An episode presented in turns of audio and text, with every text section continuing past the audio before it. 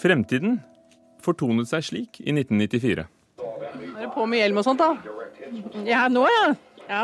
Eh, I dette spillet så blir du altså en eh, stor, kraftig, mannlig robotkriger fra en eller annen gang i framtiden. Det er ikke så godt å si når, eller om det noensinne kommer til å skje, men eh, nå får du i hvert fall oppleve det. Skal jeg skyte på de der som fyker forbi? Ja, ja. Da skal du bare ta. Men det, går, ja, det går så fort. Slik hørtes det altså ut da NRK testet eh, teknologien virtual reality, virtuell virkelighet, for første gang i 94. Siden 90-tallet har det vært ganske stille om denne teknologien med å dra på seg en hjelm eller andre former for briller. Dette skulle altså gi oss følelsen av å bevege oss inn i en oppdiktet verden. Nå har spillkritikere fått testet en prøvemodell av Oculus Rift, og spillkritikere er fra seg begeistring over eh, disse brillene. En av dem er Jon Cato Lorentzen, spilljournalist i Aftenposten. Hvordan fungerer det aller først? Det fungerer veldig enkelt ved at du kobler disse, dette headsetet til en PC da, som sender et bilde på en skjerm inn i, inn i headsetet. Eh, foran den skjermen så er det to linser, én foran hvert øye, som du da har stilt inn helt tett inntil øynene dine, sånn at du får to forskjellige bilder på øynene dine inn i synsfeltet ditt, som da fyller hele synsfeltet. Samtidig så er det en bevegelsessensor i hjelmen som gjør at når, du, når jeg tar hodet I hjernen? I, I, hjelmen. I hjelmen, ja. ja som, hjernen, ja. I, I, hjelmen som gjør at hvis jeg beveger hodet til høyre, så ser jeg da til høyre i denne virtuelle verden. Sånn at innlevelsen blir total, rett og slett. Disse er jo ikke forkjøpt ennå, for de er ikke helt ferdige. Dette har vært en testmodell. Eh, men spillutviklere har allerede begynt å lage spill til det. Hvilke muligheter ser du for deg for eh, dataspill? Det er enorme muligheter. Altså, det, det, som det her gjør som en vanlig skjerm ikke gjør, det at innlevelsen blir mer eller mindre total. Fordi du kan ikke ta øynene bort fra det du ser. Og hvis du da i tillegg isolerer deg med, med, med lyd, så, så, er du borte fra virkeligheten. Da er du virkelig inne i denne virtuelle verden. Og den timen jeg testa, så fikk jeg bl.a. besøke et, et, hus i, i Italia. Og, det, og, du får virkelig en tilstedeværelse. Du føler som jeg har vært i det huset på en måte som, som jeg ikke har fått via, via en vanlig skjerm. Men, men, vil spillene kunne lages annerledes? Ja, man, man, Hvis man skal lage et spill til, til, til, det utstyret her, så må man jo tilpasse det litt. Altså veldig raske opplevelser.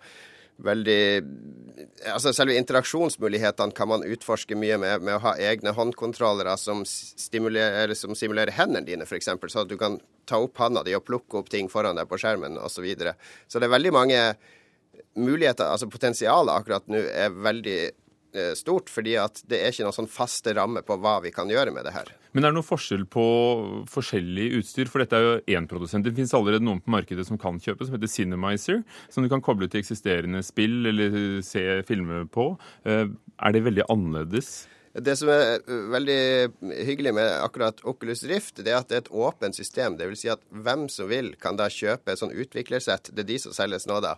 Koster bare 300 dollar. Kobler det til en PC, du får verktøyene du trenger, og du kan med en gang sette deg ned og lage akkurat hva du vil til det. Andre systemer har ofte vært lukka, vært litt avanserte, proprietære løsninger som har vært vanskelig å finne ut av. Dette er et helt åpent system som man egentlig kan hacke og modde som man vil. Sånn at eh, altså, frem, ingen vet hva fremtiden vil bringe, fordi det er ikke lagt opp en løpebane. Det er opp til alle de som sitter og leker med det nå, hva, det, hva som skal bli. Men apropos leke, altså du har lekt med det, men likte du det? Vil, vil, vil du brukt det mye mer? Eh, jeg likte det. Jeg vil nok bruke det når det kommer, og det egner seg spesielt godt i én type spill, sånn type Myst, altså eventyrspill der du forsvinner inn i en virtuell verden som du vil utforske. Actionspill så blir det nok litt for anstrengende. og Altså, det store aberet eh, sånn spillmessig er jo at det, det, er sånn forskjell på hva du ser og hva kroppen din føler. Fordi hjernen din får signal fra kroppen at du sitter i ro, mens øynene sender signal til hjernen at nå løper jeg rundt, og nå kjører jeg bil, og nå sitter jeg på en berg-og-dal-bane. Og denne forskjellen gjør at eh, kroppen kan reagere, så ganske mange har jo blitt rett og slett kvalme av å bruke det over tid. Men folk ble jo kvalme da krengetogene kom også, på, på Sørlandsbanen. Eh, tror du folk slutter å bli kvalme? Tror nok det er en tilvenningssak, men de som har testa nå over flere uker, sier jo at uh, hvis de har hatt det på veldig lenge, så må de faktisk slappe av litt et kvarter etterpå for å komme liksom tilbake til virkeligheten. Så eh, akkurat der så er det litt sånn eh, Det er mange som kan begynne å bekymre seg, tror jeg, hvis de allerede er bekymra for at ungdommen sitter for mye foran en skjerm. Med grunn? Med god grunn?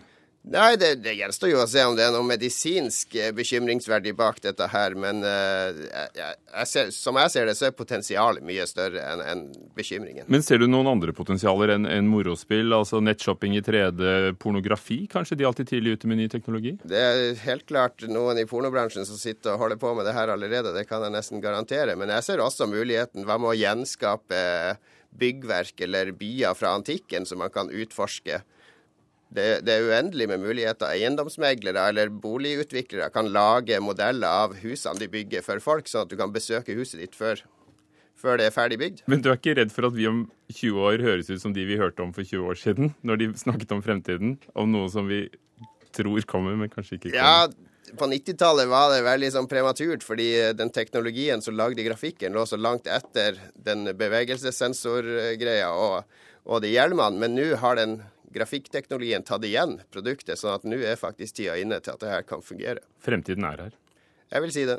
Takk skal du ha. Jon Cato Lorentzen, spilljournalist i Aftenposten, som har prøvd 3D-briller med sensor på.